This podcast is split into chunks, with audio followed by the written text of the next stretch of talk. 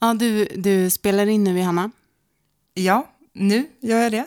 Till skillnad från vår reda, redan eh, genomkörda 45 minuters session här, där jag inte spelade in. men nu är den igång. Ja, men vi tar väl och, och börjar om och säger gott nytt år. Ja, gott nytt år på er alla lyssnare. Nu är det 2019. Ja, det här är första avsnittet från oss i år, så jag tycker vi kan säga gott nytt år, även om det har faktiskt hunnit gå ett tag sedan nyårsafton. Det tycker jag vi kan göra. Och eh, vi börjar året med en rivstart kan man säga. Ja, det gör vi verkligen. Ja, vi tänker så här att eh, eh, vid ett nytt år, då är det många som har väl en massa goda före, föresatser och tänker så här, nu ska jag starta mitt nya liv. Och eh, vad är väl bättre då än att få höra en guru på görandets konst berätta alla sina hemligheter? Hur man tar sin dröm från dröm till verklighet. Ja, för det är ju någonting som han verkligen har visat att han är jättebra på i en massa olika sammanhang. Och eh, den vi pratar om är Jerry Engström. Som, mm, han är känd från eh, friluftsbyn. Ja, och friluftsbyn kanske inte är super household för alla, men eh, det är ju ganska känt, i alla fall för friluftsintresserade människor, och växer sig ju större hela tiden. Och det är som en slags mötesplats kan man väl säga, som Jerry eh, grundade för några år sedan uppe i Höga Kusten. Och Jerry har vi velat ha in som gäst ända sedan vi började planera den här podden. Han stod faktiskt med på vår första lista över önskegäster. Mm, det gjorde han. Eh, och det är ju för att allt han tar i blir till guld. Du eh, kallade honom pojken med guldbyxorna, Johanna. ja, men man får ju lite den känslan när man eh, läser om honom. Eh, att eh, som sagt, allt han har gjort har bara blivit framgångssagor. Men innan eh, ni får hugga, hugga tänderna, hugga öronen i, vad säger man? hugga öronen? innan, innan ni får det ska hugga vi väl öronen i det här avsnittet. så, så, så ska vi berätta en annan väldigt rolig grej. Du kan väl få ta och presentera det, Johanna? Ja, är det jag som ska få göra det? Mm. Ja, eh, det känns jätte, jättekul eh, att vi har vår första samarbetspartner nu eh, till det här avsnittet. Och eh, det är ju en samarbetspartner som vi tycker känns helt rätt för vår podd och eh, de liksom, värderingar som vi står för och gärna vill sprida till andra också. Ja, det är Woolpower som eh, tillverkar eh, funktionsplagg kan man säga, varma funktionsplagg. Som de själva säger, de vill sprida värme över världen inifrån och ut. Och det syftar inte bara på, på deras kläder, eller hur Johanna? Nej, precis, utan de har ju en väldigt kan man säga, genomgripande filosofi att, eh, att allt ska vara varmt inifrån och ut. Och att då det innefattar ju även då mm, arbetsvillkoren för de som jobbar med dem och även djuren som, i det här fallet är det då merinofår som eh, producerar deras ull. Eh, så att eh, de har ett väldigt, eh, vad ska man säga, genomtänkt eh, produktionssystem där de eh, har all produktion i Sverige, eh, i Östersund, i sin fabrik som de har där. Och eh, det som är liksom extra sympatiskt är att Eh, i, i varje enskilt plagg som de eh, säljer sitter det en liten etikett där, eh, med den sömmerskans namn som har sytt just det plagget. Ja, jag tycker det är så himla fint. Det, ja. det är som att, jag tänker man sitter ute och, och inte fryser även om det är kanske 30 minus, så kan man skicka en tacksam tanke till ja, den som nu har gjort det här plagget. Och så, ja. Man ser ju liksom vem det är. Jag tycker det är så gulligt. Ja, på något ja sätt. det känns väldigt gulligt. Och eh, jag tror också att det gör att man kanske känner lite extra för sina plagg och eh, tar lite ex extra väl hand om dem. Mm. Eh, och känner att det, är liksom kompisar i garderoben som man ska ha ett långt och lyckligt förhållande med. För de är ju väldigt hållbara också, de här plaggen. Ja, och det känns eh, väldigt bra att samarbeta med ett företag som för dig och mig med klimatångest. Ja, i likhet med många andra. Så är det här eh, ett val man kan göra med gott samvete. Ja, det är faktiskt eh, himla bra helt enkelt. Allt som Willpower står för. Eh, och om man vill veta mer om dem och kanske bli sugen på att köpa några av de här fantastiska plaggen så går man in på deras sajt, woolpower.se. Och sen så finns de ju också både på Facebook och Instagram. Och där hittar man dem om man söker på Woolpower. Och det tycker vi att ni ska göra. Ja, jag tror absolut att, eh, att ni kommer hitta någonting ni gillar där. Ja, så stort tack till Woolpower eh, för att ni hänger med oss på vår resa bortom ekorrhjulet. Med det sagt så ska vi väl ta och gå vidare till intervjun med Jerry. Ja, nu tar vi och kickstartar 2019 eh, och lär oss allt om görandets konst med Jerry.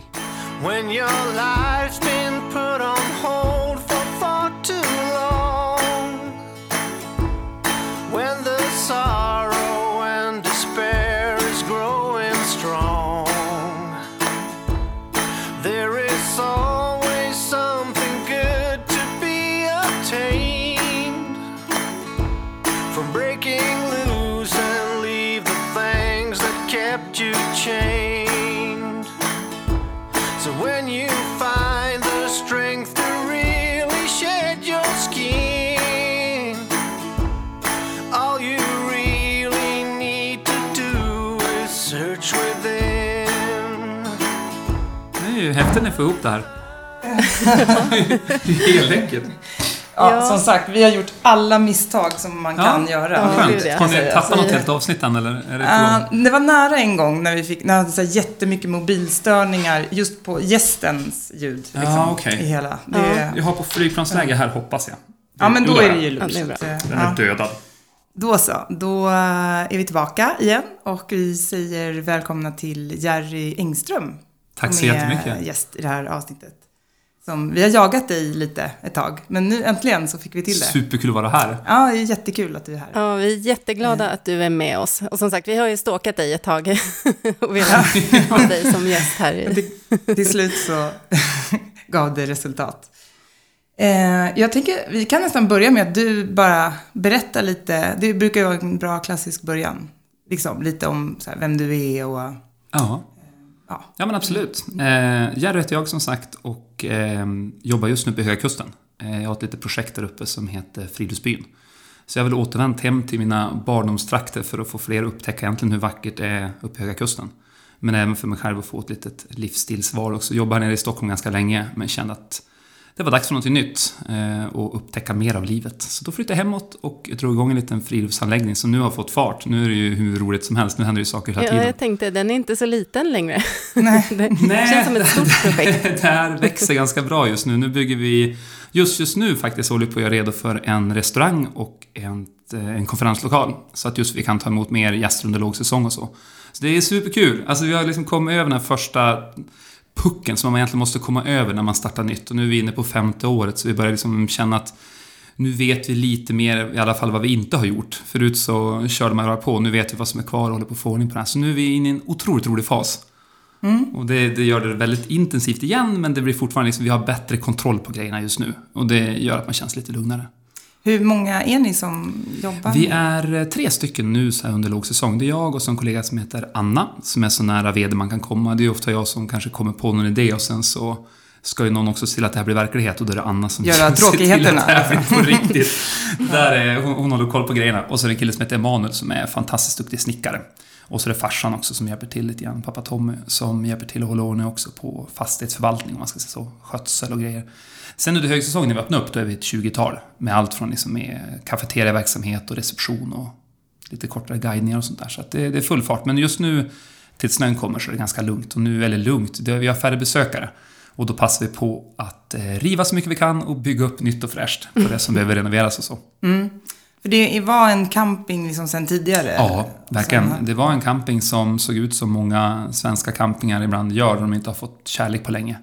Så den behövde få lite löv här och då har vi väl gett det nu här under fem år. Så nu börjar det ta form. Vi bygger nu tio stycken nya duschar och vi bygger till lite mer sällskapsutrymmen och som sagt om ett år nu hoppas jag att det står en, en restaurang och en konferens. Så det vore skitkul. Sen har vi en toppstuga också på toppen av berget och sånt där. Så att det är en ganska många grejer när man tittar på det. Men det gäller ju att ta det lugnt och ta det varligt, annars så tror jag man blir lite orolig i och med att det blir så mycket när man försöker tänka på allt hela tiden. Utan bryta ner det där. Och så gör vi ett antal evenemang där uppe då, varje år. Med fem stycken friluftsevenemang och så gör vi tre stycken med kreativa festivaler och sådär. Så att det, det finns att göra, men det är fantastiskt roligt att få jobba med sin passion. Och, eh, Det är superhäftigt hur ni har fått det att bara fullkomligen bubbla där uppe. Det känns som att det är en samlingsplats för, ja, men som du säger, både liksom kreativa projekt och liksom, ja, entreprenörskänsla och samtidigt den här friluftsmötesplatsen. Ja. Med, det känns som att det händer så himla mycket där. Jo, och det är som är så roligt, att just få... Att man har en plats där man kan just få ta ut svängarna lite grann. Alltså ena gången så är det en löpfestival, sen switchar man om och så har vi musikfestival och så kommer det en massa bartenders som blandar drinkar från vad som fanns i skogen och så blir det en utefest. Och så, och så rullar det här liksom lite olika teman och det är lite grann det som jag tycker att det är så otroligt kul att verka också på platsen. Att det just blir lite olika inspel från olika håll och kanter och det gör det ju extremt variationsrikt. Hur, alltså kan du berätta lite om hur idén till den här Ja, eh, mötesplatsen? Eh, liksom? ja, alltså det var ju en blandning egentligen mellan ett livsstilsval där jag själv kände att jag jobbade som marknadschef på Fjällräven och vi hade, det var ju fantastiskt roligt. Alltså otroligt bra företag, men reste väldigt mycket. Vilket också var roligt just då. Men sen som i mycket annat så kom man till en punkt där man känner att nu är det väldigt mycket resande runt till olika platser i världen. Fan, lärde mig mycket, fick uppleva kulturer som jag aldrig skulle fått uppleva. Men någonstans där kände jag att jag måste på något sätt göra en förändring. Och i samband med det här så har jag alltid tyckt det var kul att ta ut folk, eller dela upplevelser med andra. Även som barn så har jag alltid haft, jag ska inte säga haft svårt att vara själv, men jag tyckte det var väldigt, väldigt kul att dela saker med andra. Om jag tycker att någonting är roligt så får jag ut så mycket, mycket mer av det om det är flera andra runt omkring. Så det då tillsammans med att jag kunde Höga Kusten, för det var liksom lite grann min oas bland alla resor. Så när man var i Kina så kom jag sen tillbaka till Skuleskogen eller om man var i New York så kom man tillbaka till Skuleberget och klättrade lite grann. Sen att där uppe finns det en stor möjlighet. Så att när de här tre sakerna, att jag själv sökte en förändring och att jag gillade att vara ute med andra och sen då det började längta hem, då blev det egentligen början till det som nu idag vi kallar för Friluftsbyn. Mm. Och tanken var att skapa en kreativ mötesplats för folk som vill vara ute i naturen. Jag saknar lite en sån. Det var lite grann att jag, det var lite grann att skapa någonting jag själv hade sökt, tror jag. Att just som man bara kunde komma och hänga lite grann och bolla idéer och sånt där. Och ibland grillade man korv och nästa gång så åkte man ut och paddla. Det är ju superhärligt. Och nu jobbar jag Det i det, låter vilket som en dröm. Ja, men för många är det det. Och för oss också som jobbar med det. Så att de som tycker det här är kul, de kommer ju tillbaka. Så det blir ju som en liten familj det här också. Vilket är... Ja, jag får gåshud när jag pratar om det. Det är så himla kul. Men eh, var, var du liksom sen tidigare en sån så här frilufts... Alltså att du hade en massa kontakter i liksom, att du håller på och så vandrar och eh, gör Jo, så äventyrs- alltså det har väl varit min... Eh, alltid tyckt det var roligt. Sen är inte jag någon sån här som... Alltså bågar upp eld med olika snören och sånt där. Jag tycker det är kul att vara ute. Eh, upplevelsen och gemenskapen ute. Jag tycker att ibland blir samtalen så mycket mer äkta och ärliga när man sitter runt en eld än när man direkt slänger in på en AV och det är liksom det är stojigt och stimmigt. Även om det kan vara kul också. Men, men jag um, gillar att umgås i natur. Jag tyckte det är, det är så mycket intryck hela tiden. Alltså man får nya tankar och nya inspel från olika håll och kanter. Då kommer ut i naturen, på något sätt så finns det tid att landa allt det här. För, och ur det kommer en kreativitet och, och en upptäckarlust på mer. Men får man inte landa mellan varven, då, då tror jag det är svårt att liksom tänka nytt. Eller det är svårt att orka med de här sakerna man vill genomföra. Så att det har varit naturen för mig också. En källa till reflektion, men även kanske till att få igång en kreativitet också. Och det är väl så jag ser naturen. Inte bara från en plats där man ska ta sig från A till B med kokmakaroner. Även om det säkert är fint också. Tror du att det, eller hur upplever du? Eh, Är det mm, redan frälsta som kommer dit? Eller lyckas ni också faktiskt få dit folk som inte har varit ute i naturen så mycket? Vi får Och dit är det i så fall, är det en hög tröskel? Nej, men absolut inte. Vi försöker ta bort den där tröskeln totalt. Alltså många som kommer har ju inte varit ute så mycket förut och det är också därför jag har valt att lägga Friluftsbyn där den ligger. Den ligger väldigt nära allt. Alltså du kan ta en 2,5 kilometers promenad upp för Skuleberget på toppen. Och sen så kan du sitta och dricka, as, alltså dricka asgrymma gin och tonics på toppen om du vill det. Alltså det är ju friluftsliv också. Eller att du äter en lokal producerad hamburgare eller köttet är lokalt och så.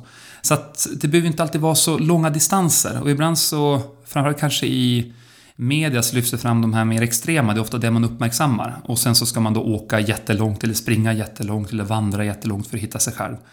Det kan man ju också göra bara genom att gå ut en lite kort tur i skogen. Och hur får ni dit dem då, då? De som inte har... Alltså mycket sprids ju. Alltså, ofta är det svårt att få dit folk första gången. Alltså hitta, dela med sig av det här. Så vi har väl använt väldigt mycket sociala medier och berätta om vår resa. Och dela med oss av vad vi själva tycker är kul. Och ofta får vi nya inspel också av de som är på besök. Alltså, men ni skulle kanske haft lite om det här och vips så är det en svampskola nästa år. För vi upptäckte att någon var jätteduktig på, LS Utemat var jätteduktig på svamp på ena utefest. Då kommer hon tillbaka nästa år och gör en svampskola. Så att det här är ju någon form av gemensamt skapande. Ju fler vi släpper in i det här, desto roligare blir det ju. För vi har ju inte alla idéer och kan inte göra allt, men alla kan göra lite grann. Och på något sätt när vi puttar ihop det här då, då blir det liksom jättespännande. Ja, det låter ju verkligen som en så här, ett idealsamhälle nästan. Ja, liksom- det, det, låter ju nästan så. Men det är fantastiskt. Det är därför vi kallar det friluftsbyn också. Det blir som ett litet... Man bor i sitt lilla hus där och så hänger man på torget tillsammans.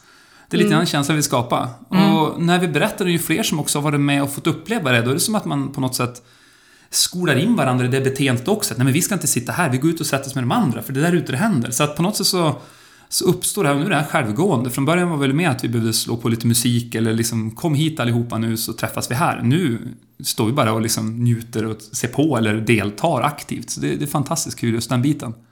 Men eh, för jag tänker att eh, lite det som, som du var inne på, det här med att få dit människor som kanske inte är så super, har liksom high-tech-utrustning och kan allt om... För det är det som, det kan jag känna att ibland så kan man ju bli lite skrämd av Jo. eh, liksom det här. Det kan finnas lite så här snobberi nästan i den här, som i Mm. Branschen i sig Eh, också har ju, har ju ett ansvar i det här och där blir, jag kan förstå branschen, jag är ju själv en del utav den, att man säljer utrustning som är testad och framtagen i de mest tuffa förhållanden så att om vädret slår om så ska du kunna, kläderna ska kunna skydda dig mot elementen.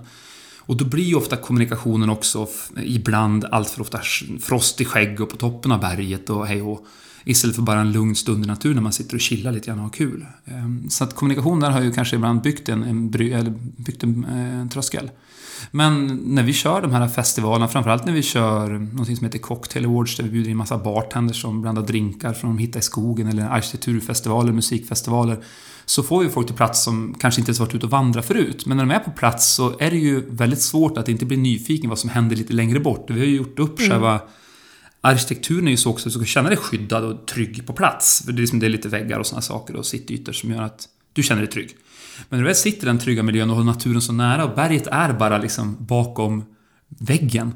Ja, då är det väldigt svårt att inte bara vilja tassa ut en liten bit i skogen. Och har du väl kommit ut så vill du gå lite längre och så bygger man på det här. Ehm, Så att jag tror att vi väcker någon nyfikenheten också genom hur vi har placerat oss. Mm. Ja, det låter ju jättebra. Ja. Har du liksom haft en sån tanke från mig? Att du ska vara lite så missionär för... Tan- tanken var så att vi skulle försöka hitta en eh, struktur som just skapar nyfikenheten. Alltså gemenskapen var jätteviktig när vi byggde upp själva anläggningen, även om den, den har jättemycket kvar att utvecklas. Men tanken var ju att man skulle bygga gemenskap, men även då, eh, locka till kreativt tänkande och att, liksom, att skapa nyfikenhet och ge sig ut. Och det, det verkar vi lyckas bra med. Mm. Ja, vi kan ju... Du nämnde väl det lite, men du har ju också bakom dig en karriär som väldigt framgångsrik marknadschef. Så att jag antar att det Jo. hjälper till också i att du Jag har liksom- alltid varit, jag tror att det som jag har bakom mig är att, att jag, jag gillar att ta med andra. Det var nog det som gjorde mig till en bra marknadschef också. Att man, vi var ganska snabba på med Fjällräven in i social media till exempel. Och där kommer ju nyfikenhet att föra en dialog med andra. Gillar man att föra en dialog och vara nyfikna på andra, då, då funkar man ganska bra i sociala medier som företag också. Och Fjällräven hade ju det med sig att man var väldigt nyfikna på frågor om idéer om en byxa eller ett tält eller en sovsäck. Så man förde ju en dialog ganska bra där ute. Och den typen av ja, crowdsourcing kan man kalla det ibland på engelska. Så här. Men att man hjälps åt att skapa saker tillsammans. Eh, jag brukar prata om story sharing istället för storytelling. Alltså ibland så har företag fått för sig att det är jätteintressant att berätta sin historia. Och det är det. Alla företag har en historia och alla har en grundare och det är något familjärt och hej och så. Men det intressanta blir ju när jag får vara en del av den berättelsen. Och det var också Fjällen väldigt duktig på. Och det, det, det har vi tagit med oss in i friluftsbyn i och med att det, är- man har samma intresse och passion även vilket företag som helst jobbar på. Det är ju ens egen värderingar som skiner igenom. Mm. Ja, det är faktiskt intressant. För, jag, för mig alltså, så har ju Fjällräven verkligen...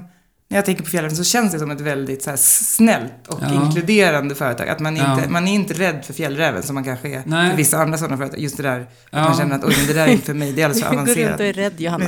Nej men liksom, just det här att det blir det Ja, här lite snobbiga liksom. Och ändå så gör väl Fjällräven också ganska mycket så här avancerade... Ja, absolut. Liksom, men att det, alltså det är... Det, kommunikas, ja, det kan man se lite skillnad också mellan skandinaviska varumärken och amerikanska varumärken om man tittar på The North Face som ett annat bra varumärke. just om man det, ska ja. sådana. Men, men just den, den skandinaviska mentaliteten är att vi har ju levt med naturen på något sätt. Naturen har ju ändå funnits utanför huset och vi har liksom på något sätt vistats i den som ett rekreation sedan 50-60-talet. Liksom.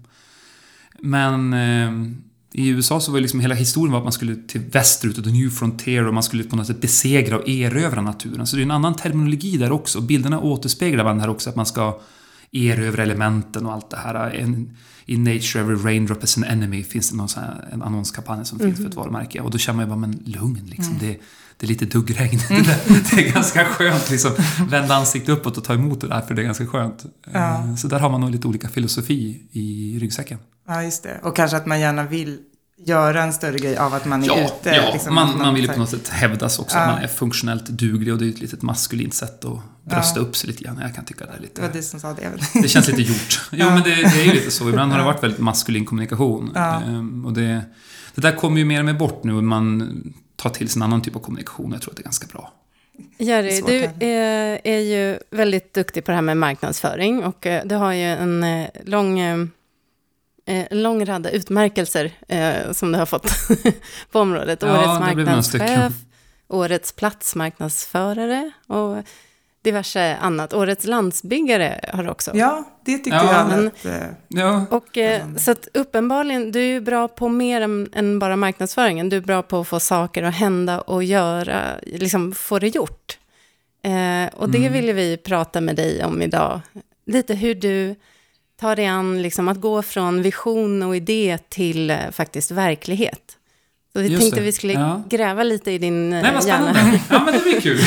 Pick your brain. Jag tror ja, för att det finns ju så många idéer och möjligheter och Ja. visioner och som, som liksom aldrig blir av. Och vad tror du är den största anledningen till, till eh, de här kraschade eller helt outforskade drömmarna?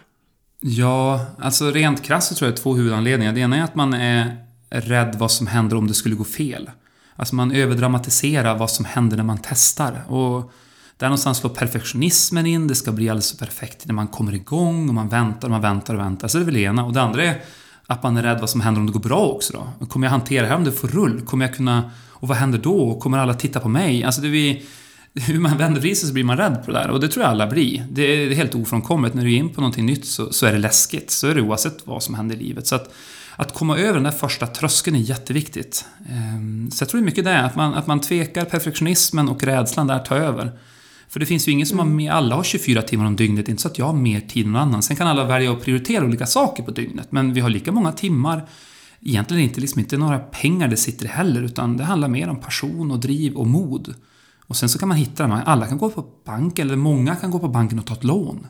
Eh, Det är inte brist heller. Och man kan starta en, du får en F-skattsedel ganska snabbt och raskt. Så att de här praktiska formala grejerna som många liksom pekar på som en ursäkt, men som man är rädd och kanske liksom egentligen är perfektionist. Det, det är ofta de, de två sistnämnda det sitter i, är min upplevelse.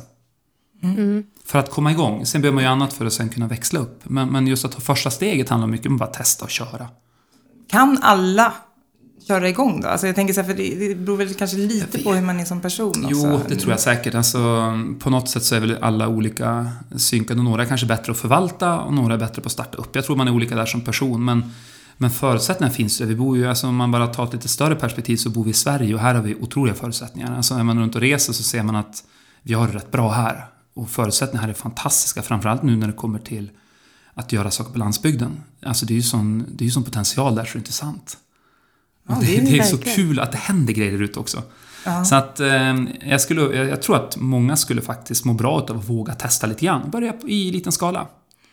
Det är intressant att du säger det, för att det är ju ändå väldigt många som klagar över alltså precis motsatsen, att det är nästan är omöjligt att göra någonting på landsbygden och att landsbygden är bortglömd och bortprioriterad och att det är liksom Jo. jättedåliga förutsättningar för eh, företagare i Sverige. Så, så det är ändå, alltså det är Ja, och jag vet inte vad man, har- vad man har för referensram när man säger så. Nej. Ehm, Det är väl intressant att veta vilket kontext det sägs i. Men i det kontext jag kom ut, sammanhang jag kom ut när vi ska lansera Fjällräven i New York, eller vi ska gå in i Fjällräven i Kina, så var det tuffare förutsättningar än att göra någonting spännande på den svenska landsbygden. Eh, För det var liksom så mycket annat där som fanns där. Att slänga upp en konstnärsateljé eller göra något liksom lite trevligt café någonstans på landsbygden här. Det är kanske inte är så att man ska kunna få det att gå runt hela året, men under en viss tid på året är det absolut möjligt. Om man verkligen vill. Ja, så det är liksom eh, passionen som är Ja, nyckeln. jag tror det. Och där tror jag också att, att det finns en, en... Det är lätt att prata om saker. Att det blir ett sätt också att fly ifrån och så här, ni pratar om ekorrhjul, men alltså att man på något sätt vill titta ut ur det och så säger man saker men de handlingar matchar inte de här orden man säger. Ja, men om du verkligen menar det här, då måste du göra någonting om det ska hända. Och några kanske tyckte det är kul att prata om också. Alltså man är ju omgiven av visionärer. Jag får ju väldigt många inspel och mejl med folk som har idéer och tankar, men det är ju ingen brist på visionärer, det är ju brist på utförare. Det är där det är bristen. Inte av de som har, alla har tankar och idéer om man kan göra på landsbygden, det är ju bara att fråga vilken klass som helst. Men det är ju väldigt få som faktiskt orkar göra någonting. Och där är ju, där är ju själva grejen, att få det att hända. Ja, vad tror du är nyckeln till, eh, till att gå från, eh, från ord till handling då? Eh, jag tror du måste, alltså allt börjar nog med någon form av självkännedom, att titta vem är jag? Alltså det att börja titta, vem vill jag vara, hur vill jag, vill jag leva? Och ur det sen börja ta nästa steg. Alltså titta på, på vilken plats är jag idag? Både kanske geografiskt men även känslomässigt, vilka har jag runt omkring mig? Så jag tror nästan att du måste börja med någon form av grundförutsättningar. Att på något sätt titta på var du är någonstans och vart du vill någonstans, hur du vill leva och hur, se, och hur det då skapar någon form av vision hur det kan se ut. Och det kanske många kan göra ganska snabbt. Men nu är det sen också kanske börja visualisera det här framför sig. Hur ser det ut på ett år? Alltså hur ser det ut över hela kalenderåret? Måste jag göra det 100%? Kan jag börja göra det kanske på deltid? Är det en hobby eller ska jag tjäna pengar på det här? Att man på något sätt ändå blir försöker konkretisera lite grann. För så länge det egentligen bara är ett luftigt mål med tankar så är det svårt att ta första steget. Och det där är också att när man bär de här tankarna länge nog, det värsta som händer då, som jag upplever när jag träffar många människor, det är att man på något sätt, då, det här låter det här smitta av sig på sig själv, att man, att man inte är kompetent att få det att hända. Det är bara det snarare att, att du har kanske inte tagit dig tid att konkretisera vad det är, egentligen är du vill göra. Och kan man då konkretisera där, då, då har vi en ganska bra start. För då kan vi börja göra en, ja men om fem år så är vi här då. För oftast vill man ju att det här ska hända så himla fort. Så nu har man plötsligt bestämt sig att man ska göra det. Nu har man noll tålamod. Man har funderat på det i fem år. Men nu när jag ska göra det, tror man att det ska funka på någon, någon månad. Ja, men nu har vi fem år kvar. Alltså nu, nu tar det tid. Så det gäller ju att ha tålamod i makro och fart i det lilla. Liksom. Så macro patience, micro speed brukar jag prata om. Men att du har tålamod i det långa och du är snabb när du väl kommer igång och gör saker. Då har du, kommit, då är det nog en ganska bra start. Och när du väl vet vad du ska göra, då handlar det väldigt mycket om vilka du har runt omkring det. Och där har det varit väldigt luckrigt. Alltså det är därför egentligen de här priserna jag har fått, det är ju inte mina priser, det är ju företagens priser där jag har jobbat och fått möjlighet att orkestrera en mängd jättepassionerade människor som har liksom egentligen bidragit med drivkraft, liksom vill framåt. Vi ger oss inte för det här är klart. Jag har ju världens bästa kollegor nu i Friluftsbyn med Anna och Emanuel och farsan och alla i friluftskollektivet som bara Vi ska göra mötesplats för friluftsfolk från hela världen. Nu kör vi! Eh, och det är jättehäftigt. Mm. Alltså jag tänker bara att eh, på något sätt så måste det väl ha saknats en pusselbit och även om alla de här fantastiska människorna fanns där så behövde de väl någon som, Jo, som du då. Som orkestrerar igång det ja, grann. Jo, men det precis. tror jag. Ja. Och där också... Eh, att hur man, jag underhörde frågan här lite grann hur man får med sig folk då, men det handlar ju också om att vara öppen med vad man tänker. Eh, få är ju tankeläsare, eh, så det gäller väl också där någonstans slänga ut idén om att det här har jag tänkt att göra. Och på något sätt så kommer ju då folk till det här. Det är det som är så häftigt. Att slänger man upp en brasa och säger bara här borta brinner det här, vi tänker göra det här. Ja, men då kommer det människor som man inte ens kände. Det här friluftskollektivet som vi har som hjälper till att göra alla de här festivalerna vi gör. Jag kände väldigt få av dem innan vi startade. Eh, Utan de men det här är ju skit, det här är ju också vänta på att få göra. Och så vips man jobba ihop. Så att, att våga säga vad man ska göra i god tid. Eh, många håller, tror jag håller korten lite väl tajt mot bröstet och ska... När idén väl är färdig och allt är perfekt, då ska jag lägga ut det. Och så funkar Ja, inte det är den där verkligheten. perfektionen igen då. Som... Ja, det är det. Och det är rädslan, vad ska de andra tycka och tro om mig? Och det, det kan jag ju känna igen mig själv också. Jag, jag tänker så också ibland att jag ska inte göra det här förrän jag är klar och hej och hå. men, men då blir det ju sällan... Då får du göra det själv. Och många tycker att det är roligare att jobba med andra. Och vill man jobba själv, då är det ju toppen. Då är det bara att hålla korten tätt mot bröstet och jobba på. Men du kommer inte så långt. Och Nej, det tar väl längre tid om, om man inte är en exceptionell multitalang som... Ja, Kan driva alla fronter framförallt så är det, ja, och framförallt också sen när du väl får kritik så är det ganska ensamt. För du kommer ju stöta på patrull. Det är alltid folk med åsikter och folk gillar att tycka. Ehm, och kommer en kritisk kommentar och det kommer fler och du är själv, då är det inte så kul. För du tar, du tar ju sånt här väldigt personligt. Ofta är det en person som startar upp eller två. Och kommer det några negativa kommentarer, det kan, ju, det kan ju... Du har blåst upp en ballong och du är ganska skör och då kommer de med en nål och sticker hål på det där. Mycket till att orka blåsa upp igen. Ja, och så, också eftersom då, då är det väl för, förmodligen någonting som man verkligen brinner för och har lagt sin själ i. Mm. Ja, och då verkligen. blir man ju ännu känsligare kanske. Verkligen. Kritik och liksom. Ja. Det är som att någon kliver på ens bebis ja, liksom. ja, men absolut. Man är jätteskör och den där lågan är ju jättelätt att blåsa ur. Ja. Och där behöver man nog hitta fler. Man umger sig med människor med driv eh, som kan stötta en när man själv tycker det är tufft och att man kommer ihåg ibland också vad är det man vill uppnå. För det är klart alla har en, liksom en halvtaskig torsdag ibland. Liksom, att ah, hjälp nu igen liksom. Inte... Man har byggt tre hemsidor och nu ska man bygga en fjärde eller en femte. Man måste bygga hela plattformen, man måste börja om från noll igen och rensa allt. Det är ju inte så här att man känner att det här blir Inte kul, nu gör jag det femte gången.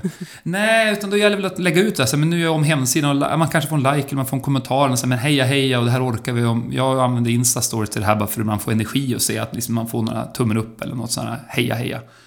Det där lilla gör jättemycket. Så jag tror har man det där, alltså har man en... eh, Man lär känna sig själv, man vet liksom vad man taggar igång och brinner för, man kan på något sätt visualisera det här så pass nog att man kan få andra att se samma sak. Och det är väl den grejen också om man ska involvera fler, att man är, att man är tydlig. Och då kan man ju behöva göra allt från strategier till handlingsplaner. Det behöver inte heller bli så avancerat i och med att det här kommer förmodligen ändras med tiden. Det är ju svårt att sia fem år framåt. Men kan man säga att ungefär så här tror jag vi ska jobba. Och så kan man föra en dialog kring det, exakt hur man ska göra det. Men jag tror det är viktigt att komma överens om riktningen ganska tidigt, framförallt om man är fler. För annars så börjar det spreta efter en två, tre år ungefär, när man har olika förväntningar vart man skulle. Så att försöker lägga ganska mycket tid på att få ihop en samsyn vart man ska om man är fler. Annars kommer de här utmaningarna senare. Och har man inte gjort det i tidigt skede, då är det tufft när det kommer senare. Och där är det många som slarvar. Men jag tänker på, just med, friluftsbyn, Mm. var det du själv som liksom drog upp den här riktningen? Eller var ni ett team Nej, men det redan var från första nog början? mycket jag. Alltså det kom nu mina känslor, alltså första riktningen. Sen så ju, mer, vi- ju fler vi blev så började vi tillsammans spåna fram hur vi skulle komma dit. Och nu, nu är det egentligen öppen för alla att komma med vad vi ska göra. Vi hade ett samarbete nu med Hernögin där vi gör den här Cocktail Awards. Där det kommer några av världens bästa bartender och hämta Det tycker jag låter Det är. Alltså några av världens bästa bartenders kommer upp till Höga Kusten, går ut i skogen, plockar ingredienser, kommer tillbaka och blandar drinkar då och en jury sitter där och utser Ja. världens bästa cocktail med ginbaserad cocktail. Och det är ju alltså, den som vann i fjol var ju från Hongkong. Ehm, Emil Orenge där liksom är med i juryn som är bartender på Grand Hotel i Stockholm. Så det är ju bra folk och det är det här som är så kul. Eller de är duktiga på det de håller på med. Och det är det här som är så kul. Men det här är ju inte vår idé. Det är ju från Hernögin och så hjälper vi till sen och sätter ihop det här tillsammans med dem. Så att det är, den här, det är det som är så kul. När man själv liksom har börjat hitta en riktning, då, då kommer det mer människor. Mm. Det är det som är så Ja, kul. då attraheras eh, rätt, eller man ska säga, eller likasinnade då. Mm. Ja, jag, jag tror att det är, det är någon del av vår resa som har varit positiv. Mm. Jag tänkte på när du sa det här med att, eh, att ni får in så mycket idéer att folk säger ja men det här har ju vi väntat Ja, på. Att ja. någon ska, och det, jag tror det är väldigt mycket det, just det som krävs ofta. Att någon bara ska liksom trycka Mm. på knappen och säga ja men nu gör vi det. Och då Ja. helt plötsligt så är det som att fördämningarna brister. Och då finns det kanske hur mycket engagemang och Ja, drivkraft som helst. Verkligen. Men att någon vågar liksom ja, Ja. kliva över den där tröskeln. Ja. Och det är väl det som, det är ju nästan det läskigaste. Mm, jag tror det. Och där är det viktigt också från vår sida att vara tydlig, för vi har ju ändå vår plan vad vi ska göra. Nu ska vi bygga en kajakcentral nästa år, det blir en restaurang och ett, en konferensanläggning. Sen året efter det bygger vi om toppstugan, vi ska göra ett lekland. Att vi också håller oss till vår plan, för det är ganska lätt här också när vi får mycket idéer och- och intryck, att börja spreta för mycket. Och att faktiskt göra klart saker, för det är också det att vi kommer inte kunna göra tio nya saker per år, vi måste verkligen välja.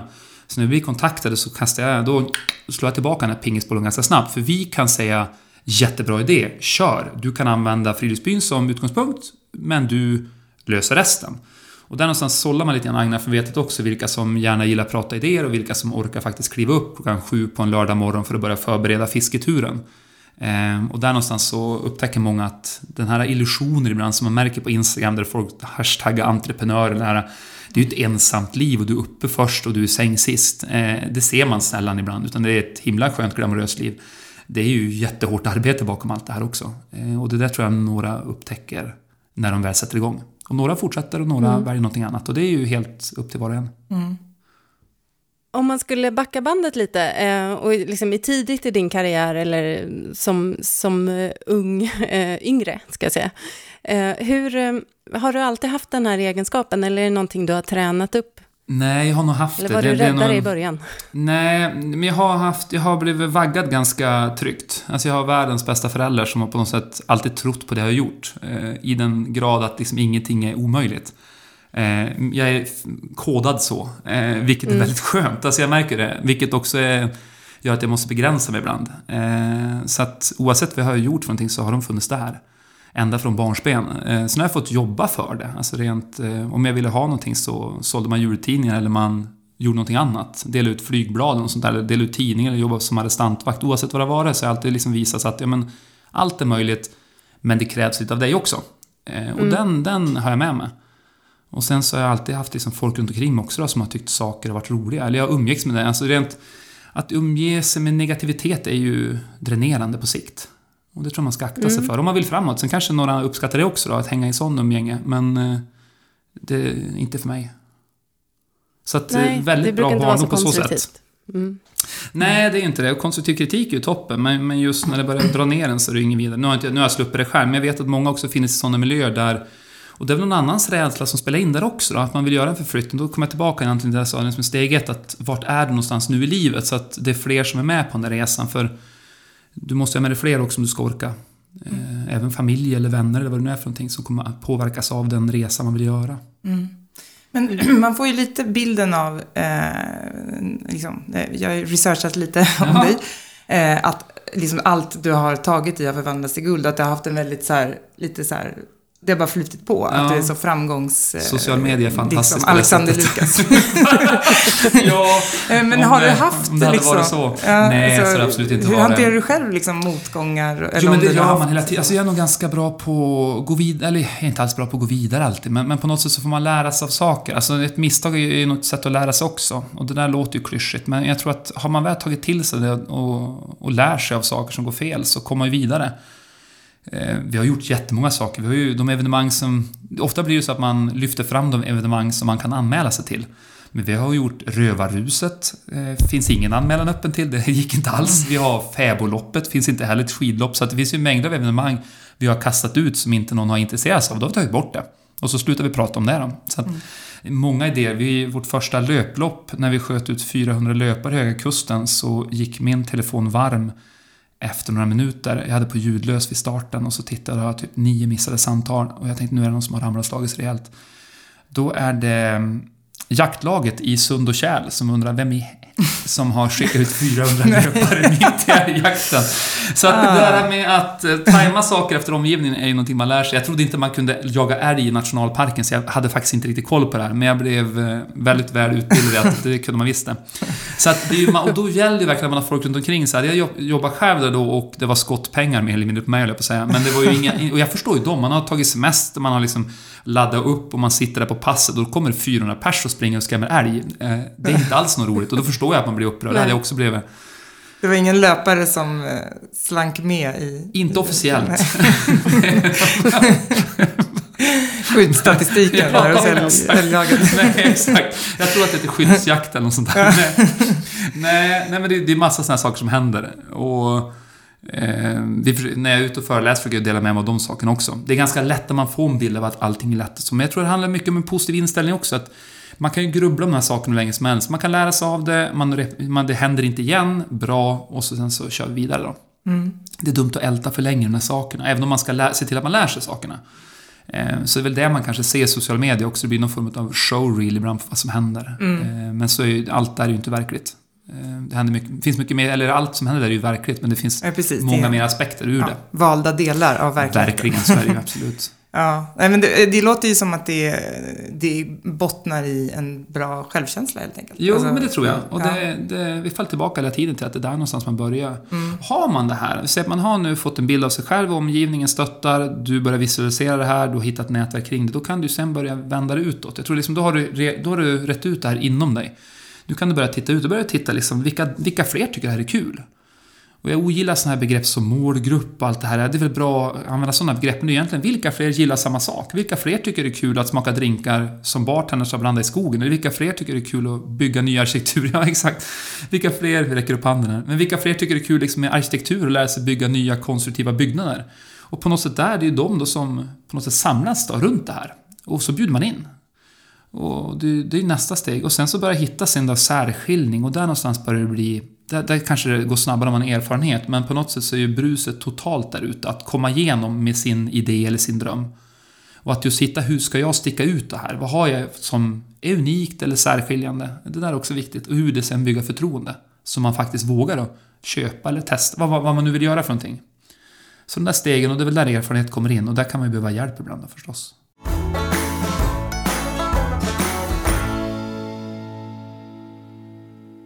Ute och föreläser mycket. Jag vet att du träffar väldigt många som sitter med mycket idéer och, och jag har sett några blogginlägg du har skrivit eh, efter de här träffarna. Sådär. Men ehm, upplever du att, ehm, är det många som klarar av att gå från den här kanske rädslan eller de här mentala hindren som finns? Eh, har du sett dem liksom överkommas och vad tror du har varit nyckeln i så fall?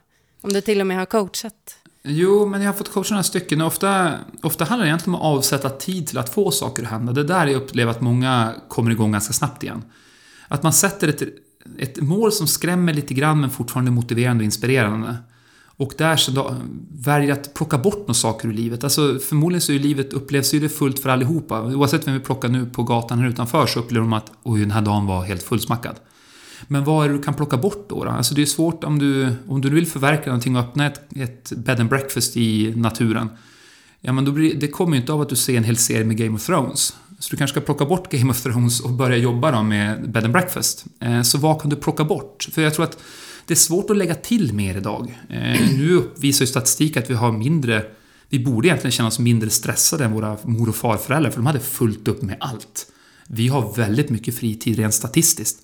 Men vi upplever att det är fullt upp och så kommer nog folk alltid göra. Det är nog mänskligt. Men vad är det då vi ska plocka bort för att få den tiden? Så jag tror det är mer den tidsaspekten och så sen så får man då plötsligt någon som tror på idén tillsammans med en. Och då får man här, och har man inte det runt omkring sig, då, då bör man nog skaffa sig en mentor eller någon som hjälper att komma igång. Och det är nog bra nycklar för att komma, komma igång lite grann. Jag tänker om, för det, det, många av de som lyssnar och som hör av sig till oss eh, har ju den här jag tror att det största hindret för många är rädslan för att man inte ska klara sig ekonomiskt. Mm. Att det är så här, hur, ja. liksom, hur löser ni ekonomin är det många som frågar. Ja. Hur försörjer ni er? Och, um, att man känner att liksom, man måste va, ha liksom, safeat upp mm. uh, så otroligt mycket innan man vågar ta det där steget. Hur, hur ser du på Ja, det där är väl mycket upp till biten. var och en man, hur man är villig att downsize också. Alltså mm. Alltså vad man, kan du offra någonting också då, i, i de kostnader du har idag? Kan du bo mindre eller bor du i en lägenhet där du inte använder alla rummen eller ett hus som är större? Kan du liksom skifta ner det för att kunna skifta upp livet? Eh, och sen tror jag också det finns någon sån illusion av att man ska kunna ha ett jobb. Jag tror att många liksom är ovana det här med frilansekonomi och så, att man har många jobb. Men på något sätt så är det ju jag tror att vi kommer komma dit om några år, att, kanske inte just de närmsta åren, men i alla fall om 50-100 år, att man kanske inte har bara ett jobb. Utan att du kanske kör taxi på vintern, du kanske jobbar med bed and breakfast på sommaren, under tiden så hjälper du folk att skriva CV. Eller inte vet jag. Alltså det, du har ju flera egentligen talanger kanske, eller intressen. Och du kanske inte kan gå och jobba få betalt för ett. Eh, och så där är det också så här att man ska gå från etta till nolla, liksom, eller från noll till hundra. Att faktiskt ta det successivt, och då kanske det krävs den här femårsplanen. Så att Börja smått eh, och när du väl får träff då, då skala. Ehm, men jag tror att det är bra ändå att se till att man har någonting. Det går att jobba på helger på en restaurang eller på ICA eller vart som helst. Liksom. Det, sist jag kollade på Arbetsförmedlingen så finns det jobb. Och ta ett sånt då, då. Och sen så har du det ett antal år och så jobbar du med din passion på sidan om. Om du har tid. Eller jobba halvtid och dra ner på omkostnaderna. Jag tror att ofta finns det ett sätt. Jag tror inte det är som någon som... Det kanske är någon som sitter där ute och lyssnar som känner att men det går inte. Nej men okej, då, då får du väl göra det bästa av den situation du har och vara lycklig i det. Annars kommer du vara missnöjd resten av livet. Och det känns ju som en dålig ekvation. Mm. Men finns någonting du kan dra ner på för att växla upp livet? Ja men börja då 2019 eller när man nu lyssnar på det, om det är 2020. Så att det gäller att börja smått, dröm stort, börja smått med det du har idag. Och förmodligen finns det talang, det finns resurser, det finns nätverk, det finns en, kanske någonting du kan sälja om inte annat då för att få förverkliga livet. Alltså du kanske inte behöver de där kläderna eller extra skorna eller vad det kan vara. Av med det då. Mm. Och så kör det igång. Nej, men att man är så rädd för att investera sig själv. I sin egen kompetens. Man är fullt okej okay med att köpa någon ny kamera och så men att då sätta sig själv på kurs när man ska lära sig att göra en podd eller man ska lära sig en kurs, man, vad man nu är för någonting. Att, att investera även i mjukvaran, i alltså sin egen kompetens. För ofta ska inte det få kosta någonting och det förstår jag inte heller. Alltså i din satsning, hur mycket tid ska du lägga och hur mycket ekonomiskt du vill lägga? Är det 5000 kronor i månaden? Är det 500 kronor i månaden? Vad är du vill att satsa nu på dig själv? Och jag tror man måste liksom, och det, det handlar inte om att vara egoistisk, det handlar bara om egentligen att ja, men jag är en bättre person om jag får göra det här mot min omgivning också. Och jag tänker undan med det här det här året. Um, men då gäller det att få med omgivningen förstås. Mm. Ja, precis. Mm. Jag tror man kanske ofta, eller jag tror att många eh, tänker så att ja, men jag ska på något sätt jag ska upprätthålla den trygghet och bekvämlighet jag har idag, men förverkliga mina drömmar. Ja. Alltså lite äta kakan och samtidigt ha den kvar. Mm. Eh, och där tror jag kanske att, att mycket ligger i att förstå att nej, men under ett tag så kommer jag få riska lite grann. Och sen kan man ju kanske styra lite hur mycket man riskar. Men att det blir ju en förändring ändå. Som, som man faktiskt sen...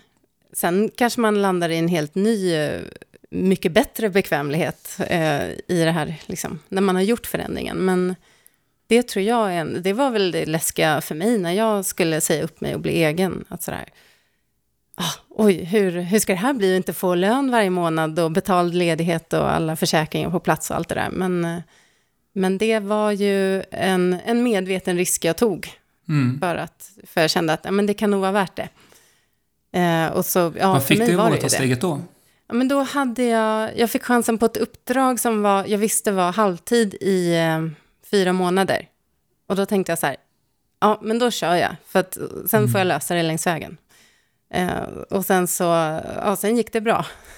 men jag tänkte ju också så här, ja i värsta fall så får jag, då får jag ta, gå tillbaka och ta något annat jobb. Liksom. För som Ja. du sa, det, det finns jobb. Man får liksom sänka, sänka ribban lite och eh, om man nu tycker att det är värt det. Mm. Ja, verkligen. För det, jag tror att den här frågan om ekonomi mycket handlar om att ja, men jag vill inte att det ska bli sämre än jag har det idag. Eh, och det Nej. kanske behöver vara det ett tag, eller behöver kanske vara mer osäkert i alla fall. Eh, och att man, är- att man är beredd att riska det då, ett tag, för ja, att så testa. låter det då. Exakt, och så låter det växa. Det kanske ska vara en hobby ett tag. Så man känner på också om det, är värt, liksom, om det är så kul som jag tror. Det går ju att börja som en hobby eller volontära för någonting också. Och Mm. sen ur det då börja se om man vill faktiskt satsa allt nu då och riska. För det finns ju en, det är alltid en risk förstås. Men om man skissar upp det här också, vad är det värsta som kan hända? Eh, så är det ju inte så här jättefarliga saker alltid heller. Det är klart, är man ansvarig över någon annan person och så, så finns det ju alltid den... måste du väva in det också förstås. Men, men om man pinpointar ner det här så är det få saker än som är jättefarliga. Nej, precis. Det är också, eh, som sagt, vi lever ju i Sverige. Vi har ju ändå ett ganska utbyggt Ja. liksom, socialt skyddsnät. Verkligen. Det är inte så kanske jättestor risk att man liksom trillar ner i någon ättestupa. Men, men det är jag tror också som, som du säger, att det, det är klart att det blir ju lite svårare kanske om man eh, liksom har barn och Mm. ja, det har vi pratat om förut också i podden. Ja. Att, eh, det är klart att man känner liksom ansvar för andras. Ja. Och det som jag tycker är så intressant här, det är ju liksom att de här möjligheterna, tack vare digitaliseringen, har gjort att den här möjligheten finns på fler platser i Sverige. Om man tittar historiskt sett så känns det som att när jag växte upp i Örnsköldsvik så var det som att man behövde flytta till Stockholm om man skulle arbeta kreativt. För i Övik så jobbar man med industrin eller med pappersbruk och sådana saker. Då. Nu kan man ju jobba med det här varifrån som helst tack vare uppkoppling och att du kan resa ganska snabbt med tåg. Du kan jobba från tåget också. Det är ju liksom en del av min arbetsdag. För mig är ju transporten ingen tid. Det är ju någonting jag planerar. Att jag lägger upp att det här ska jag göra när jag reser med tåget. Mm. Och där får jag avkoppling toppenbra. Det är en perfekt arbetsplats. Ja, det är supereffektivt. Ja, det är ju bästa grejen. Ja, men det är ju alltså. toppen.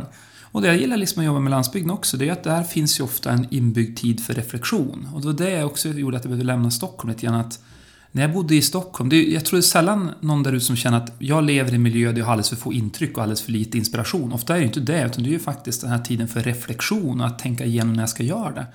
Så det jag upplevde när jag flyttade tillbaka till Höga Kusten var ju att det fanns också runt hörnet, kan jag, jag kan sitta och jobba på morgonen, så kan jag ut och springa eller ut och paddla kajaken och, sen, och där och då så kopplar jag bort det här.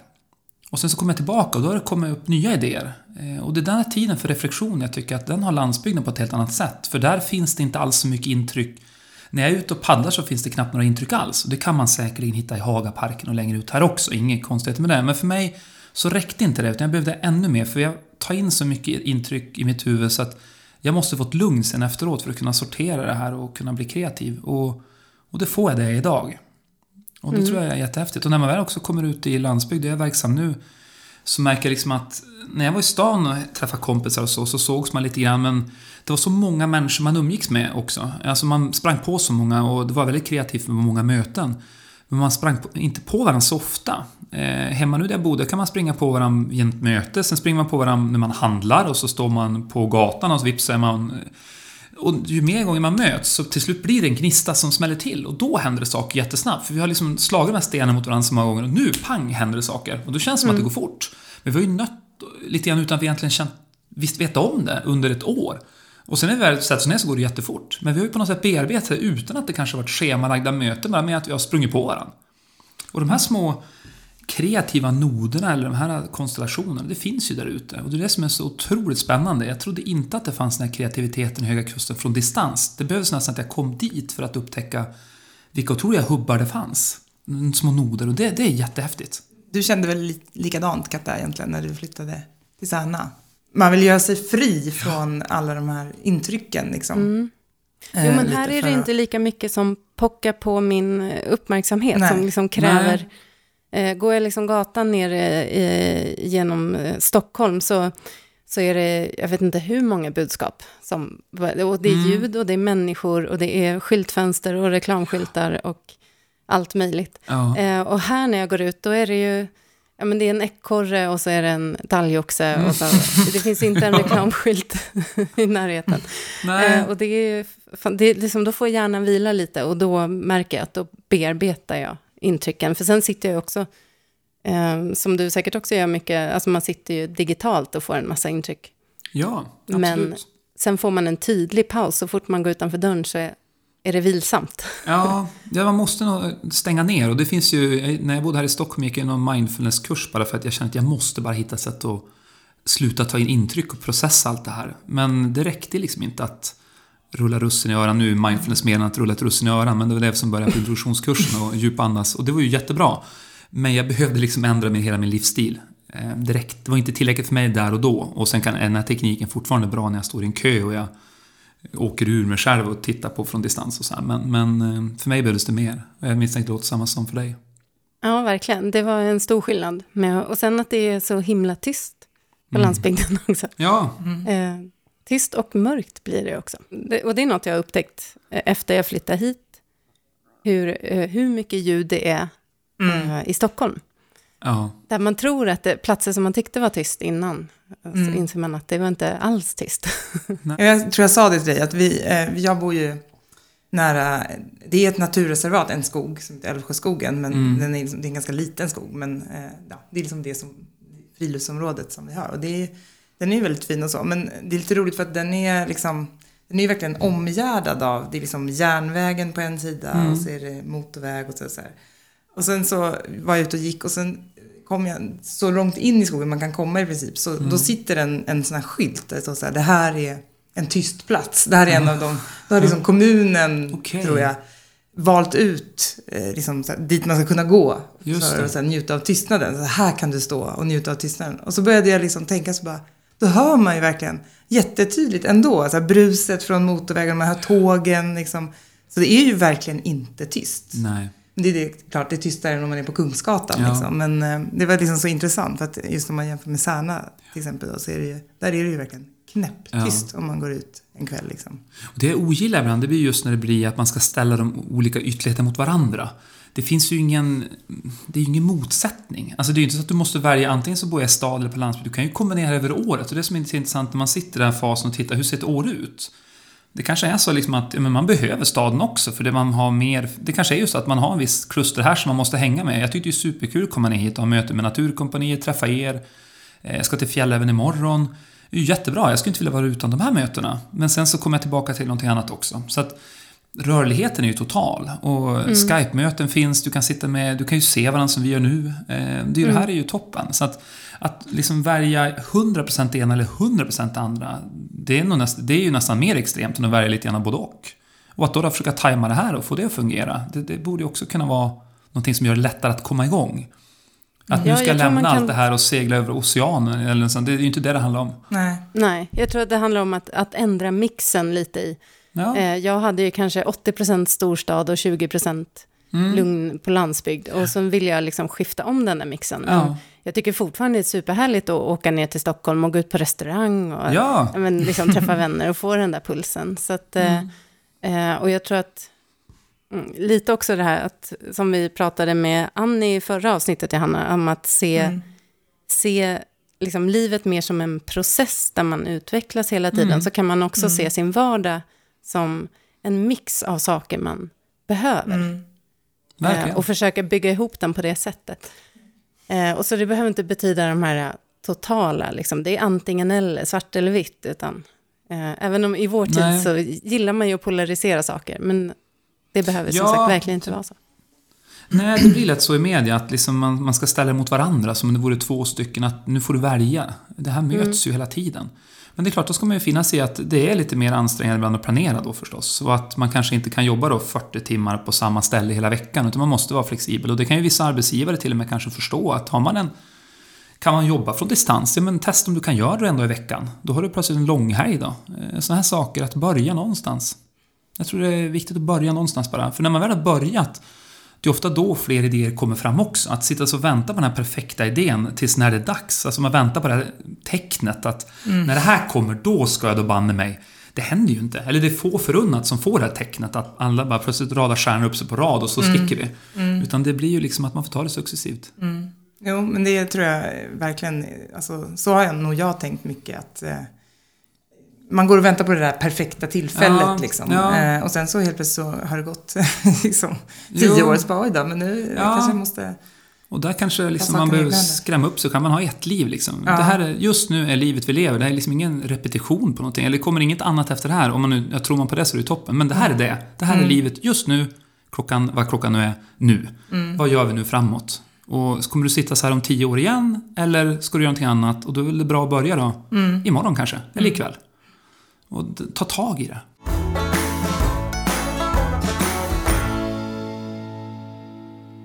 Vad är det som driver dig i vilja ta tag i saker? Eller man ska säga, vad är dina största drivkrafter? Åh, eh, nyfikenheten tror jag. Jag är otroligt nyfiken. Jag tycker det är kul att förstå hur andra människor fungerar och hur saker hänger ihop och sådär. Så jag tror i den nyfikenheten eh, så, så kommer det igång massa energi och passion. Eh, och varför är det så? Vad händer då? Och så blir man lite frågvis och så får man svar och så börjar man sätta ihop saker. Så att jag tror en stor drivkraft är just eh, nyfikenheten. Och sen så är jag nog så att jag på något sätt tror att saker går om man verkligen vill. Sen är jag ju väl medveten om att allt inte går. Men, men på något sätt är så, så har jag nog på något sätt ett självförtroende som gör att jag har tillräckligt mycket bakom också att, som visar att när man verkligen försöker så händer det saker. Så att nu är det snarare utmaningen att vad är det jag ska plocka bort framåt eller vad, ska jag, vad vill jag satsa på så det inte blir för mycket, för många spår samtidigt så man inte jobbar ihjäl sig igen nu då. Eh, Det är väl den, Ja. den stora utmaningen. Ja, för det var det... Det var ju faktiskt en fråga vi Ja, hade. en fråga vi hade. om det inte finns en risk att... eh, För det- också när, när jag läser om dig så ser jag att du har sagt att eh, liksom, en av anledningarna till att du flyttade tillbaka till Övik och grundade Friluftsbyn var att du, du pratade om mycket om och visade bilder på naturen Ja. men att du inte hann liksom, vara ute i den. Eh, Men eh, hur är det liksom, finns det inte en risk nu att när det börjar ta snurr och allting sätter Ja. igång och det liksom blir mer och mer att, att du hamnar i samma Jo, läge igen fast du bor absolut, mitt i det? Absolut, och det är ju nästan ett personlighetsdrag liksom man får vara vaksam på. Jag har ju ett, ett, jag vet att jag har en drivkraft som är enorm. Eh, och det gäller ju att jag på något sätt hjälper till att tygla den själv, för det kan egentligen ingen i min omgivning på något sätt göra, utan det liksom kommer ur mig. Så att här måste jag också lära mig att se vad som är viktigt, och då kommer ju egentligen en helhetsbild mer än bara det man sitter framför just nu. Så det tror jag är viktigt. Men sen är jag ju på en plats också där jag känner att det där, allt det här jag vill göra finns lättillgängligt. Så att jag kan sitta och jobba fem minuter senare är jag på ett berg. Eh, just den närheten till saker, så jag slipper den här transportsträckan. Och det det som var svårt när jag kom till... Alltså jag gillar jättemycket med Stockholm, men när jag hade rest mycket och jag landade här på Kungsholmen Tröskeln att komma ut, jag tog mig inte över den. Även om jag vet att det är jättefint en halvtimme utanför Stockholm i natur, så tog jag mig inte igenom trafiken. Jag tog mig inte genom tunnelbanan. Jag, or- jag var så trött så jag orkade inte mer intryck på vägen dit. Så det var en tröskel där av infrastruktur och andra bilar och människor så att jag orkade inte ut. Nu är jag närmare det och då kom jag ut. Men sen har vi tackat nej till massa möjligheter. Vi har ju fått möjligheter att göra Friluftsbyn till en franchise. Så att det skulle kanske finnas fem stycken Friluftsbyn runt om i Skandinavien. Och det har jag tackat nej till. Av just den anledningen att då skulle jag vara tillbaka till samma en gång till. Sen tror jag man kan tajma året lite grann också. Nu har jag ju en december som är... Nu när vi spelar in det här är det december och då är jag ju i stort sett ledig från uppdrag. Eh, och det är också planerat att under december månad ska jag inte ha några uppdrag alls. Men under oktober-november så ska jag skynda på lite uppdrag så vi kan bygga en restaurang. Eh, så länge man vet liksom lite grann hur man lägger upp det där och är överens med omgivningen om det så tror jag det funkar ganska bra. Mm. Så du har liksom en månad av lite återhämtning? Ja, ja verkligen. Ja. Och det, är ju månad nu då, så att det, det är väldigt skönt. Jag tror man behöver också, och någonstans där, så till man tar det lugnt och så kommer nya kreativa idéer upp och så vill man sätta igång nästa och då på något sätt Det balansera var det här farligt med den någonstans. där återhämtningen. Ja, det, det gäller vara, det gäller ju också att säga att okej, men det här var en kul idé, eh, det här kan någon annan förverkliga. Och sådana saker. Eh, men det är klart, man är ju sån som person också. Man måste ju ändå vara, ha acceptans för sig själv. Att ja, men jag har många idéer och några förverkligar jag tillsammans med kollegor och några släpper vi. Och där har jag världens bästa kollega också, Anna, som säger att nej men nu, den här gör vi inte, vi sparar den ett några år till framåt. Och när hon säger det så, så förstår jag mycket väl varför. Ja. Och ni, men ni är ändå överens då hyfsat om vilka idéer som ska in Ja, och det vilka som brukar ska ut? filtreras och det är ju livsfarligt när jag är ute och reser och sånt där för då kan jag ju bomba hem med tankar och sånt där. Och det är bra också att ha det som ett filter. Jag kastar in det där och så filtreras det genom eh, någon form av sunt förnuft. Så det blir, eh, vi har en väldigt bra struktur på hur vi liksom genomför idéer och så. Men nu har vi ändå hittat en struktur och det handlar om att vi vill också bli lönsamma så vi kan faktiskt ha folk som kan jobba med det här. Och inte bara volontära eller liksom rent dyka upp utan vi måste ha några som är, jobbar med det hela året när det kommer till allt från pappersarbete, ekonomi och tillståndssökningar och sånt där också. Så att det är klart det ligger en massa arbete bakom det också som är allt annat än bara ut och gå i skogen. Eh, Så det ligger mycket sånt bakom och då, då måste man nästan avsätta tid för. Är ni inte lönsamma nu? Jo, Eh, vi är lönsamma. Jo, det är vi. Ja, Vi försökte nog bli det ganska tidigt eh, på något sätt så vi kunde utveckla. Och det här är någonting det är också en sån här grej som är svår att prata om att, att, att ja, men är det en hobby så är det en hobby, toppen bra. Men ska det på något sätt ha mat på bordet och du ska tanka bilen så måste det gå med vinst. Och där vet jag inte varför det är lite svårare i Sverige än andra länder. Fram- Framförallt när man är i USA så är det inga konstigheter med det. Men i Sverige är det som att om någon går med vinst så är det nästan så lite Hoppsan, mm. har du. Eh, Men, men hur ska du annars kunna utveckla? Hur annars ska du kunna... Så att du måste nästan hitta lönsamhet. Och då ska jag säga är ganska... Ska du försöka tänka ganska tidigt, om du har det som jobb. Inte så att det begränsar från passionen, men se till att du har någon form av lönsamhet och ganska snart. Eh, För annars blir du fast i hobby. Men du måste ju också bevisa att du har en bra idé eller en bra känsla i produkten och du kan börja ta betalt också. Då. Så att, det här gäller ju att ha det där tålamodet men ändå ha någonstans beredskap i att ska det här bli ett jobb för mig eller någon annan så måste det på något sätt komma in en peng då. Så jag kan betala ut löner. Det är ju det är så det fungerar. Mm. Ja, det är inte fult att tjäna pengar på um, någonting bara för att det är en passion. Eh, Nej. Det kanske finns någon eh, förutfattad mening där, att man ska bara älska att göra saker gratis. Men Ja, Ja, vill man leva på att man, så. man ska inte ha pengar som drivkraft, det är väl mycket det det handlar Nej, om. För då är nej. man liksom och det är det ju inte och- heller. alltså- Det är, alltså, menar, skulle man vilja tjäna pengar då skulle jag jobba med marknadsföring i New York just nu och dra in storkovan om jag hade tyckt att pengar var viktigt. Det är ju inte det som är viktigt. Men däremot är det viktigt att, att de som jag har anställda kan ha en pension och att de kan liksom på något sätt äta mat. Och då måste vi liksom ha lönsamhet i företaget. Det, det blir ju viktigt. Och framförallt om vi ska utvecklas också och göra det finare och ha ännu mysigare miljöer och en ännu större grill eller kanske till och med en, en bastu framöver. Ja, men då måste ju de pengarna komma någonstans. Och det där tror jag är... Ibland blir det lite kul, jag tycker till och med nu att det är så här lite så här olustigt att prata om det i en podd så här. Men det, det måste ju finnas där och man måste våga prata om det. Annars så förstår inte heller folk att det är viktigt om man ska driva företag. Och då, då riskerar man att bli besviken senare. Och då sitter man där liksom och undrar vad som hände. Så det är bättre att ta in det tidigt. Ja, eh, Ja, eh, verkligen. en sak som går liksom lite hand i hand med det där med att växa och liksom bli lönsam och så. Det, det är ju det här hållbarhetsperspektivet då. Mm. Ja. Att eh, man riskerar ju kanske att liksom utarma resurser och Mm. speciellt i den typen av verksamhet som du driver. Att det, är liksom mitt i ett, det är väl ett, vad är det, en, Ja, det nationalpark? Ja, eller? vi är en till en nationalpark och så är vi mitt i ett världsarv också. Ja, just det. Hur, ehm, liksom, hur funkar det tycker du? Vi har ett liksom- jättebra samarbete. Alltså, för- först och främst så får man ju titta att jag tror att det är bra att människor kommer ut i naturen. Eh, om vi nu ser på de klimatutmaningar vi står inför så tror jag det är jättebra att ju fler som kommer ut i naturen och förstår att det här liksom, det händer saker, så är det bra. Och vi har ju som mål att fler svenskar ska komma ut. Det är ju ett, ett hälsopolitiskt mål att fler ska komma ut i naturen.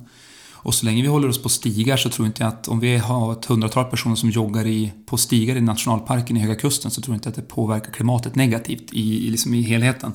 Däremot så egentligen är det väl snarare flygresor och allt vi gör, hur vi sorterar och allt sånt här som är utmaningen. Så att, att fler vandrar på en stig i skogen tror jag inte är någon större utmaning. Men här har vi ett nära samarbete med Länsstyrelsen också att titta. Och framförallt handlar det egentligen om att se till att vi inte är där och stör när gemene man är där. Så våra evenemang ligger ju utanför högsäsong. Eh, men bara på befintliga stigar som redan är uppgångna. Så att vi liksom inte har, så vi har minimal markpåverkan. Så när vi är ute så går vi på leder där det går ytterligare ungefär 60 000 personer per år utanför det vi tar ut. Eh, så att vi går redan på där det har varit en markpåverkan. Men det här är jättebra. Det här är ju en bra dialog vi har med Länsstyrelsen som har superkoll på det här. Och deras inspektörer och sånt där. Så att det finns ett jättebra samarbete. Och det tror jag skulle uppmuntra många som gör det, att för en dialog med eh, framförallt Länsstyrelsen som har bra koll på det här och titta liksom vad är bra och vad är mindre lämpligt. Och även med privata markägare och sånt också. Men jag tror att ska vi se till att vi har en levande landsbygd så måste vi ha besökare på landsbygden. Eh, det säger sig själv. Eh, så att, eh, eller alternativet är att vi inte har besökare där ute och så stänger vi ner landsbygden. Men vill vi ha en levande landsbygd så måste vi ha människor som rör sig i landsbygden. Och då, då gäller det bara att föra en bra dialog ganska tidigt också när vi kommer till samsynsskedet från början. Så jag tror jag är bra för en sån dialog.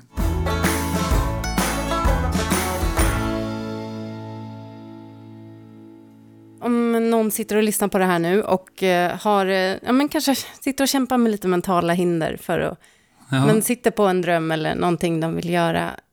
Eh, har du några liksom steg eller goda råd, förutom allt du har berättat här om, om du ska summera det?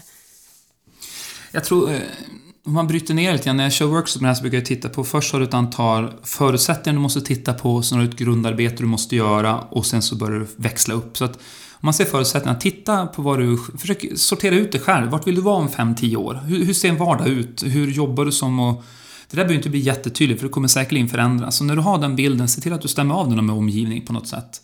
Få ihop det här och nästa steg blir kanske visualisera. Jag är väldigt mycket för att skissa och rita, men någon kanske vill tala in det eller skriva eller något. Men få ner det på papper, för när du väl får ur det på något sätt så ser du framför dig och då brukar det bli större chans att du kommer igång. Så det ska jag säga tre, steg två. Steg tre sen är att när du väl har börjat få ihop det här på papper eller skisser, visa upp det för andra. Några som du har förtroende för och du känner att de här personerna kommer på något sätt utmana och uppmuntra mig framåt. Då kanske finns det när det börjar blåsa runt mig eller när jag själv tappar energin. Så att det ska jag säga, det är grundförutsättningarna. Lär känna dig själv, se till att du visualiserar lite grann och tar med andra på resan. Då har du satt en bra grund. När du väl har det sen, då, då är det egentligen bara att våga börja. Ehm, och titta vilka fler gillar ungefär det här jag håller på med. Sök dig till dem då.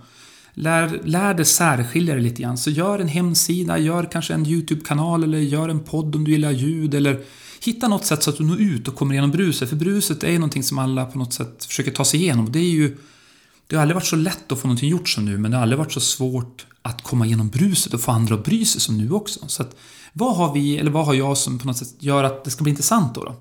Och när du väl får det intresset så måste du på något sätt bygga förtroende, att jag litar på det här. Och då har du, har du då gjort hemläxan med att kanske tagit bra bilder eller gjort lite ljudinspelningar tidigare eller gjort lite filmer eller har bra partners eller på något sätt måste du visa upp att jag kan lita på dig om jag ska köpa det här på nätet eller boka en resa någonstans. Så är ju förtroendet jätteviktigt. Så det blir väl nästa steg egentligen, att se till att vilka är din målgrupp? Hur kan du nå ut till dem genom särskiljning? Och när de väl har din uppmärksamhet, eh, hur bygger du förtroende? Det är lite grann nästa steg. Och sen handlar det om att få saker gjort. Då. Jag brukar prata väldigt mycket om att Försök drömma väldigt stort, få saker gjort och se till att du har jäkligt kul längs vägen. För tycker du inte kul, då kommer passionen på något sätt dö ut. Så att lägg in roliga saker. Alltså, fira, gör en liten belöningsresa, Alltså, se till att du gör delmål så att du på något sätt kan fira det här. Och när du väl har kommit dit, då kommer du kunna hitta partners. För nu har du bevisat dig själv, du är trovärdig, du visar att du är kul att jobba med, du får saker att hända, du drömmer stort. Nu kommer nästan partners komma till dig. Många börjar med att jag har inte gjort så mycket förut, jag har ingenting att visa upp. Vill du bli min partner? Och så ringer man runt och vill ha sponsorskap. De här företagen man vill kontakta har ju telefonsamtal som ringer hela tiden. Så det kan ju vara så att du måste göra tio gånger vad du nu vill göra eller tio produkter du vill göra. Du måste nog göra det och bevisa att du verkligen menar allvar och ta dig igenom den här första delen själv och med din, din närmaste omgivning. Sen smäller det till och då kommer nätverket farande och då någonstans handlar det egentligen bara om att växla upp sen. Eh, och då handlar det om att inte glömma bort basen. Alltså varför gör jag det här? Så att du inte tappar och bygger ett nytt ekorrhjul. Hur bygger jag basen? Hur kan jag stretcha ut det här? Och sen då kan jag på något sätt växla upp i nya tjänster och nya produkter. Så att du bygger som en, liksom en stabil pyramid. Men du bygger inte hela pyramiden samtidigt, du lägger den sten för sten. Och fokuserar och lägger den stenen jävligt bra då. Ja, men nu ligger den här här och det är det jag gör nu. Och så nu lägger jag nästa sten och så bygger du sakta, sakta upp för. Och låt det ta fem år då. Om det är en livsdröm, om man ligger någonstans nu, säg att den som lyssnar på det här är 30 eller 40 eller 50 eller 60, det är ju jättemånga år kvar att bygga på. Och lär man sig att det är själva resan som är kul, när du väl är framme, då är du ju liksom klar. Det är ju inte alls Ja. kul. Utan Nej, du vill ju liksom fortsätta bygga. Nej, du måste ju lära dig älska processen. Ja. Det är ju resan, att vara mitt i det här, att vi är på väg att skapa det här och jag, det är ju skit, får du, det får du nästan gåshud av den resan. När du är där framme, då, liksom är det ju, då får du ändra spelplanen och göra spelplanen större så du eh, kommer igång igen. Eller så får du väl på något sätt knoppa av då och ta semester lång tid. Vad du nu vill göra. Men det ska ju ligga så långt fram så att den här processen är ju kul. För jag tror att gillar du inte processen och inte har passion, att du är inne efter en quick fix för att sen göra en exit, då är det svårt. Eh, Så du måste verkligen gilla det du gör och det är där allting börjar. Gilla det du gör. Ja, Det är ju klockrent. ja, gör, ja. Ja, det är fina ord att avrunda på, tycker jag. Ja, verkligen. Eh, fantastiskt. Ja, men det är kul att se hur du lyser upp också när du pratar om Jag tyckte det är jättekul. Och jag önskar att det finns där ute som kan lyssna. Kan vi bara tända en där ute så är vi jätteglada, eller hur? Ja, Ja, det är jag verkligen. helt säker Särskilt på. på att landsbygden. Minst en kommer. Ja, ja men verkligen. Ja. ja. Härligt, det är bara att börja göra. Kör. Ja. Kör så det ryker. Börja ikväll. Ja. Tusen tack Jerry för att du kom och var med här i vår podcast. I din Ja. lediga december också. Ja, men det, var det ju här är den perfekta verkligen- ledigheten. Det här var jättetrevligt. Ja, Du fick bra lite godis i det. alla fall. Ja. Ja, eh, ja, jag känner mig supertaggad. Jag liksom bara har massa idéer nu som jag ska eh, sätta mig med, med den här processen som du har pratat om. Eh, vi har ju en gemensam, Johanna. Ja, Som- det har vi. Precis. som Den, den ska Vi vi, får applicera det här på. ta, sätta tänderna i nu. Mm. ja. Kul! Tack. Ja, och eh, ha, ha en trevlig fortsatt vistelse i Stockholm då. Och, eh, och sen hoppas vi att det blir en skön kontrast när du kommer hem. Det kommer det bli. Och lycka till alla ni där ute också. Säger vi hej då. Tack så mycket. Hej då! Hej då, tack för den gången.